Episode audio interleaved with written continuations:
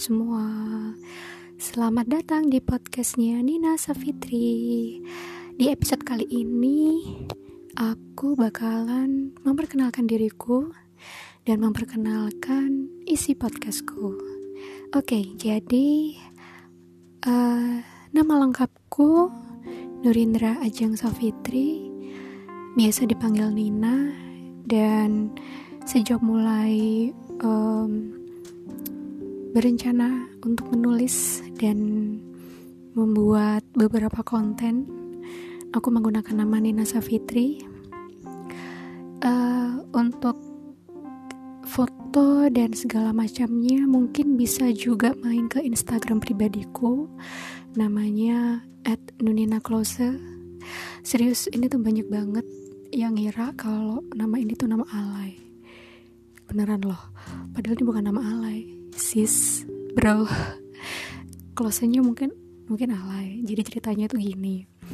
Um, waktu aku masih usia tiga tahun aku kan didaftarin di playgroup tuh. Dan aku ditanya doang sama gurunya e, nama kamu siapa? gitu kan.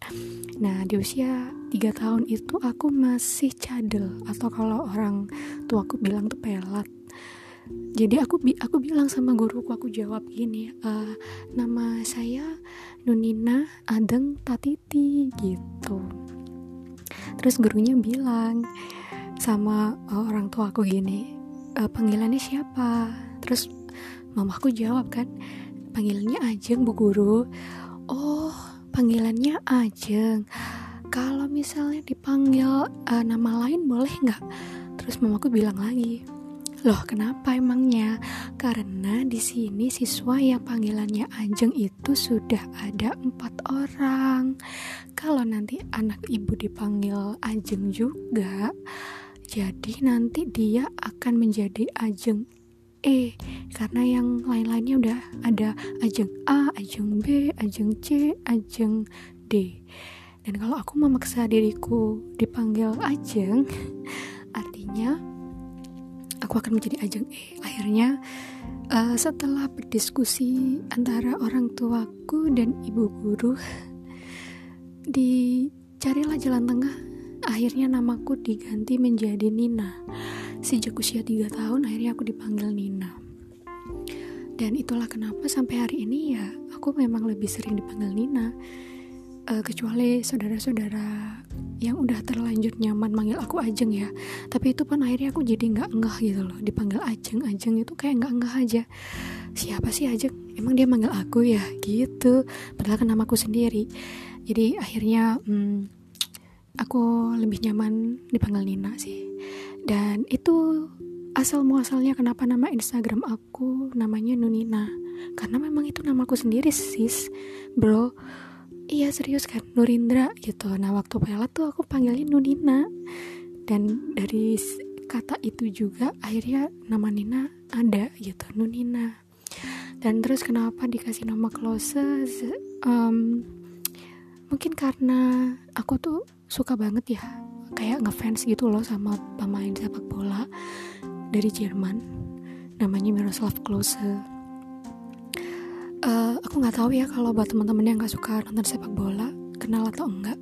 Tapi aku dulu tuh emang waktu zaman zaman SD kelas berapa ya? Kelas 6 terus SMP gitu ya tuh suka banget nonton bola. While teman-temanku yang lain tuh kayaknya suka dandan deh. Aku suka nonton bola terus ya udah itu pemain favoritku tuh ya si Miroslav Klose itu di kamarku tuh banyak banget poster zaman dulu ya. Posternya Miroslav Klose. Sebenarnya sampai hari ini masih ada sih aku sisain dua. Eh ya dua. Yang lainnya udah aku buang semua kan malu ya. Udah gede masih nyimpan nyimpan poster pemain bola gitu. Jadi gitu deh akhirnya uh, aku menggunakan nama Nunina Close itu sebagai nama Instagram dan juga sempat ku jadikan nama pena. Karena aku pernah ikut komunitas uh, kepenulisan puisi gitu ya di uh, di grup waktu itu di Line. Terus sekarang udah pindah ke Instagram juga. Yaitu aku pakai nama itu sih gitu. Tapi kalau lagi nggak kepengen alay aku pakainya Nina Safitri. Dan aku pikir-pikir kayaknya aduh udah cukup ya jadi alaynya aduh masa sih udah umur segini masih tetap alay? Gitu. Terus akhirnya ya udahlah pakai Nina Savitri aja gitu. Nah uh, sekarang uh, aku bakalan uh, memperkenalkan podcast aku. Jadi setelah menimbang-nimbang berpikir berbulan-bulan aku pengen bikin podcast nggak? Ya gitu loh. The, akhirnya ya udahlah bikin podcast yuk gitu. Dimulai dari um, memikirkan konsep dan akhirnya aku sudah fix sudah menemukan konsep yang up. kayaknya ini aku banget deh. Konsepnya adalah hmm, isinya adalah membacakan puisi. Uh, terus membacakan dongeng dan juga review buku. Hmm, ada beberapa juga mungkin review film pendek atau film series-series di YouTube mungkin juga film bioskop sih. Ya intinya film lah. Jadi nanti segmennya ada tadi tuh berapa ya? Coba aku uh, aku hitung ulang ya. Pertama segmen baca puisi. Kedua ada segmen membaca dongeng alias cerita anak-anak. Ketiga ada segmen review buku. Buku-buku fiksi sih. Iya buku-buku fiksi. Jadi dari mulai uh, uh, teen lead, uh, yang adult, metropop juga buku-buku klasik sih atau juga buku-buku sastra kontemporer. Terus yang keempat bakalan ada review film ya, baik film bioskop maupun film pendek ataupun film series-series YouTube. Sebenarnya uh, aku sudah melakukan ini di akun Instagramku dan blog sih jadi uh, aku punya Instagram khusus yang memang uh, aku isi khusus untuk review-review buku dan review film. Um, namanya at Needs and the Books. Udah aku cantumin juga linknya di Instagram pribadiku di @nina_close itu ya. Jadi ada nanti di bio nya tuh aku udah nulis namanya at Nins and the Books. Kalau teman-teman mau baca boleh dong. Boleh banget. Silahkan main.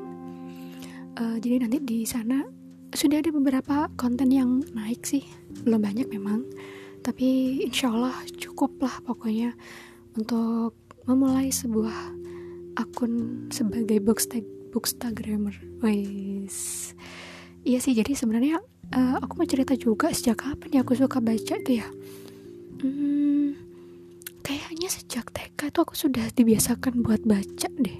Kenapa? Karena memang orang tua aku lebih tepatnya papa itu suka banget baca gitu. Suka banget baca akhirnya kan uh, liburanku tuh bisa dibilang sering banget perginya tuh ke toko buku gitu. Jadi kalau udah pergi ke toko buku tuh kayak aku tuh dilepas kayak anak hilang gitu ya. Udah serah mau ambil buku apa aja. Bebas nanti pokoknya papa bayar ya bukan berarti nggak punya budget ya pasti tetap ada budget uh, waktu kecil dulu emang aku nggak nggak ngerti sih yang namanya budget ya. Aku cuman ambil ambil buku-buku anak-anak terus nanti papaku yang sortir.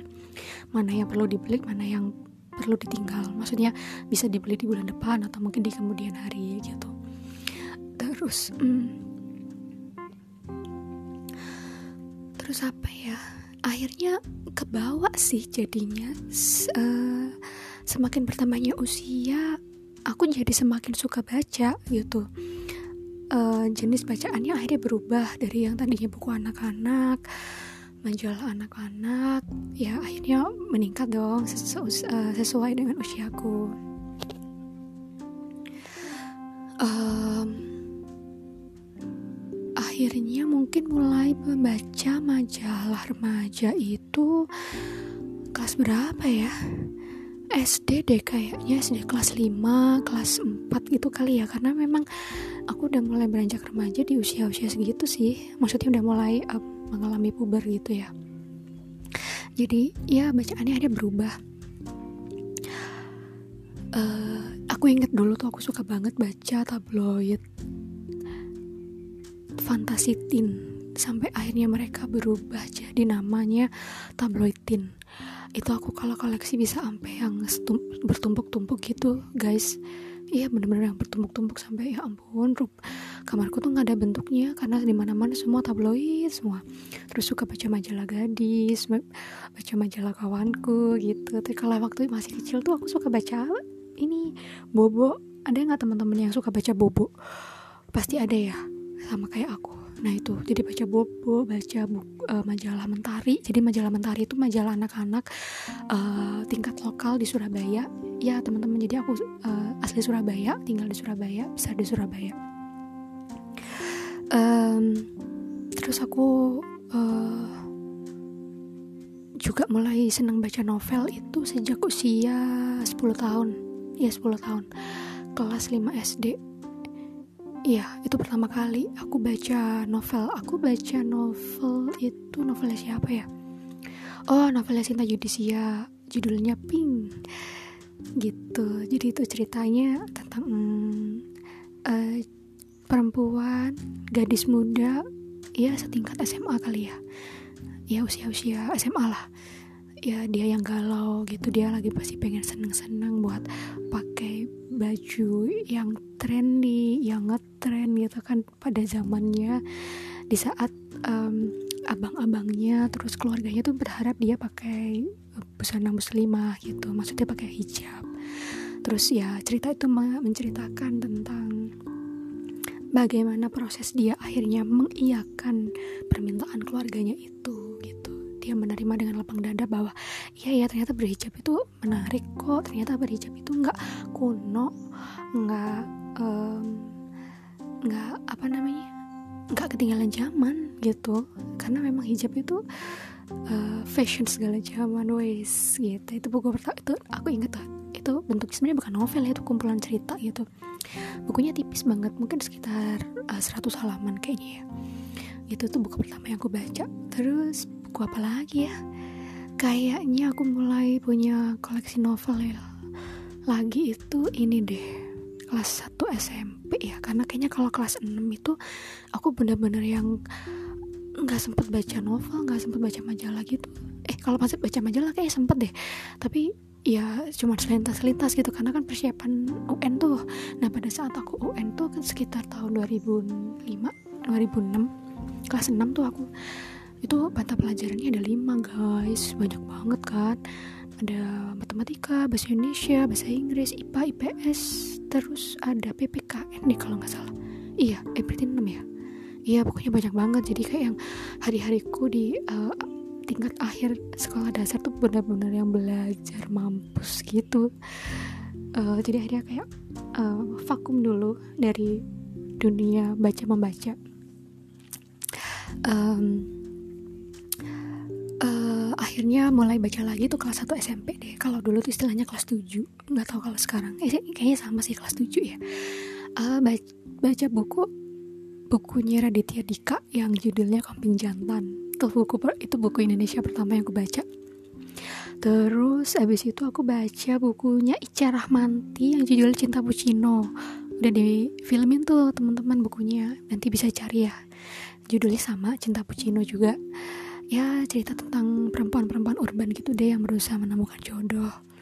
Terus buku eh, eh terus buku apa lagi ya? Bukunya Vira Basuki. Cuman aku lupa judulnya. Kayaknya tuh kalau nggak salah seri deh. Buku seri Miss B kalau nggak salah ya. Kalau nggak salah ya Miss B. Gitu. Terus bukunya siapa lagi ya?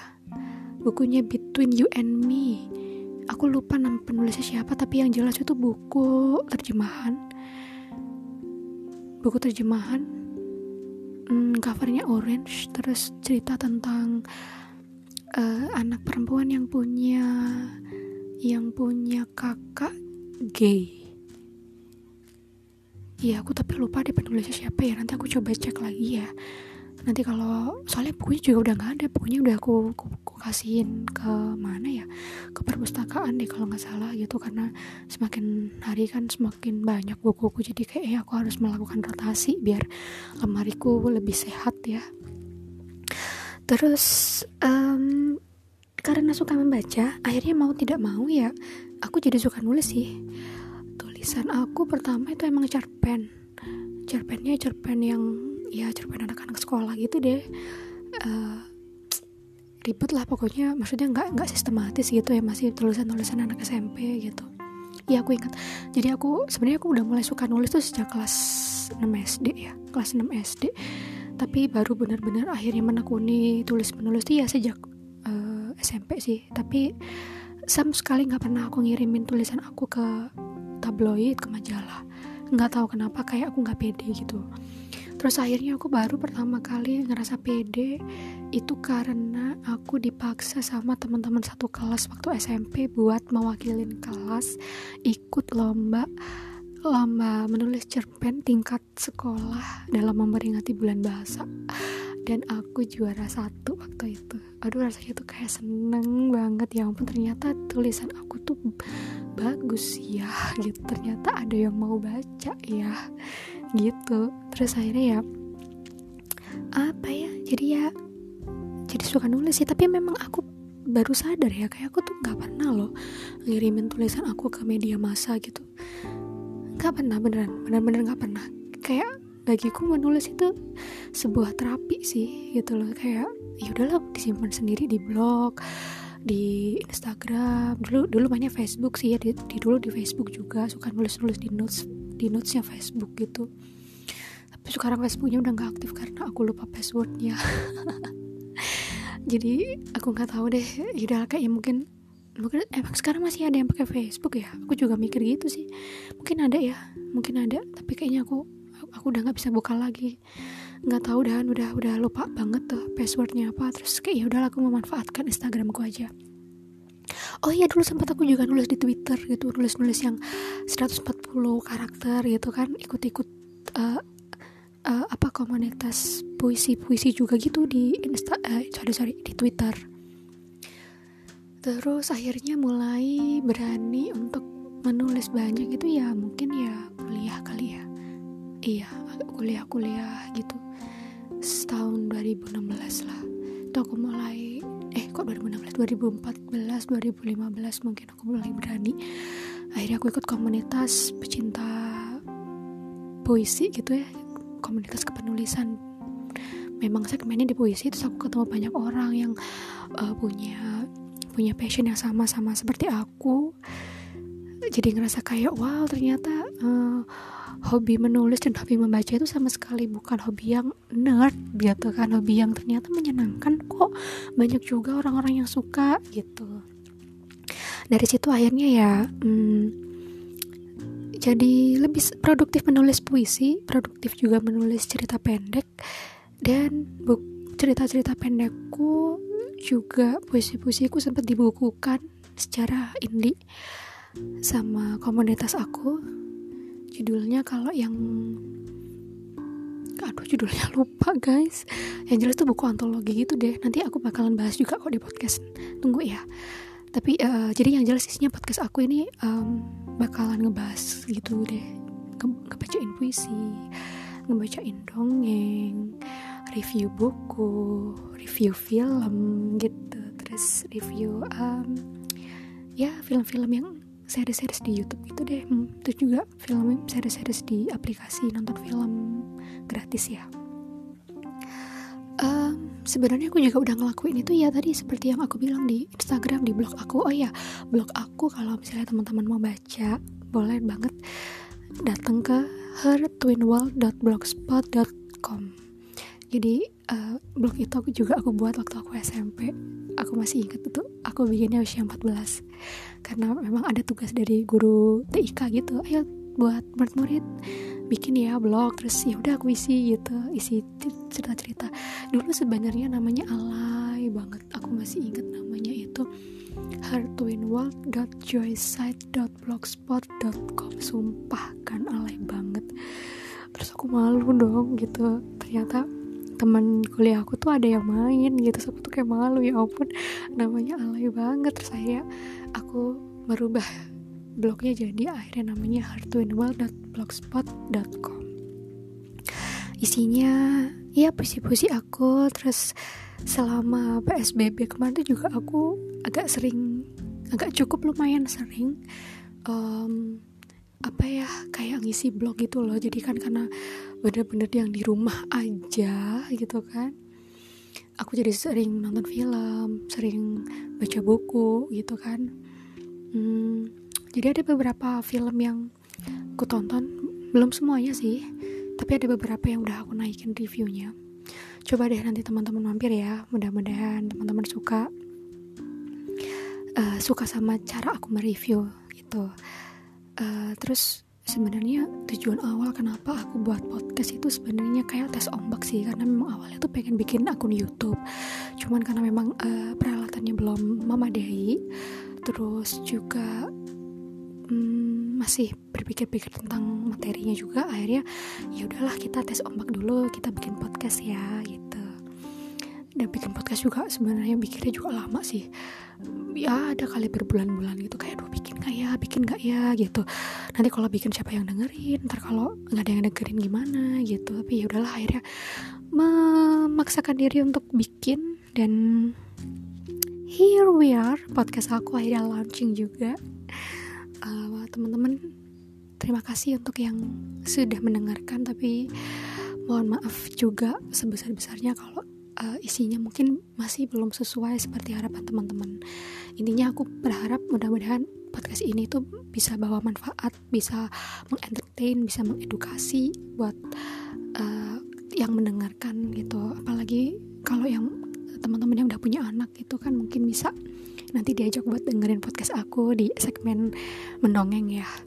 Karena aku juga ngerasa uh, kita sebagai anak muda tuh kayaknya kalau cuman ngeritik-ngeritik pemerintah doang tuh kayak nggak ada gunanya gitu loh teman-teman.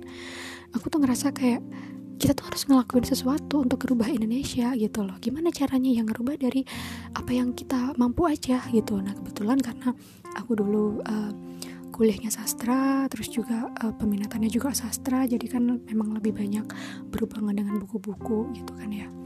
Dengan cerita-cerita. Aku berharap sih ilmu yang gue pelajari itu tuh juga bermanfaat gitu. Dan aku sempat juga mendaftarkan diri di pelatihan read aloud yang diinisiasi oleh Ibu Rosi Setiawan. Teman-teman bisa search aja di Google namanya Rosi Setiawan. Uh, tentang memperkenalkan kepada halayak ramai bagaimana pentingnya mendongeng terhadap anak lebih tepatnya read aloud ya. Bedanya apa sih mendongeng sama read aloud kalau mendongeng biasanya ceritanya itu tidak tertulis tidak tidak ada teksnya. Nah kalau read aloud itu membacakan sebuah buku cerita terhadap anak-anak gitu kalau menurut versinya Bu Rosi Setiawan. Dan aku merasa kayaknya itu itu benar-benar kebantu gak bantu negara banget gitu loh. Uh, negara tuh hanya akan berubah kalau generasi mudanya itu juga jadi generasi emas gitu. Nah gimana caranya buat uh, ngerubah atau buat ngebantu negara memunculkan generasi-generasi hebat di kemudian hari? Ya ya intinya berarti ya orang-orang dewasa di sekitarnya uh, butuh untuk um, butuh untuk berpartisipasi.